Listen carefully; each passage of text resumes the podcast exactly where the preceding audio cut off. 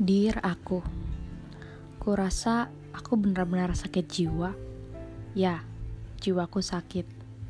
Jika kau tanya bagaimana itu bisa terjadi, rasanya jika kau ceritakan, sakit jiwaku akan kembali hadir.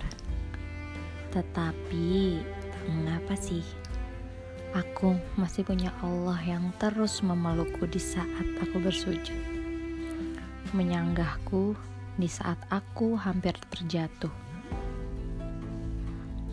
Ya, menyanggahku di saat aku hampir terjatuh di rukuku.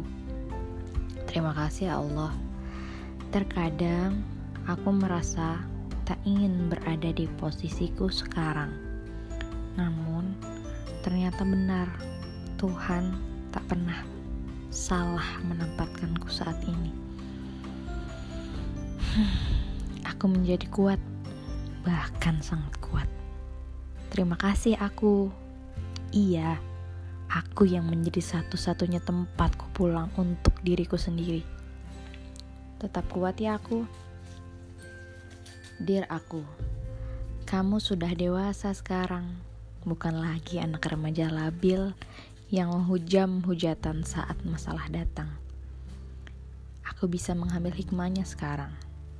Hei aku, terima kasih ya karena sudah sembuh dan tumbuh tanpa negatif ya.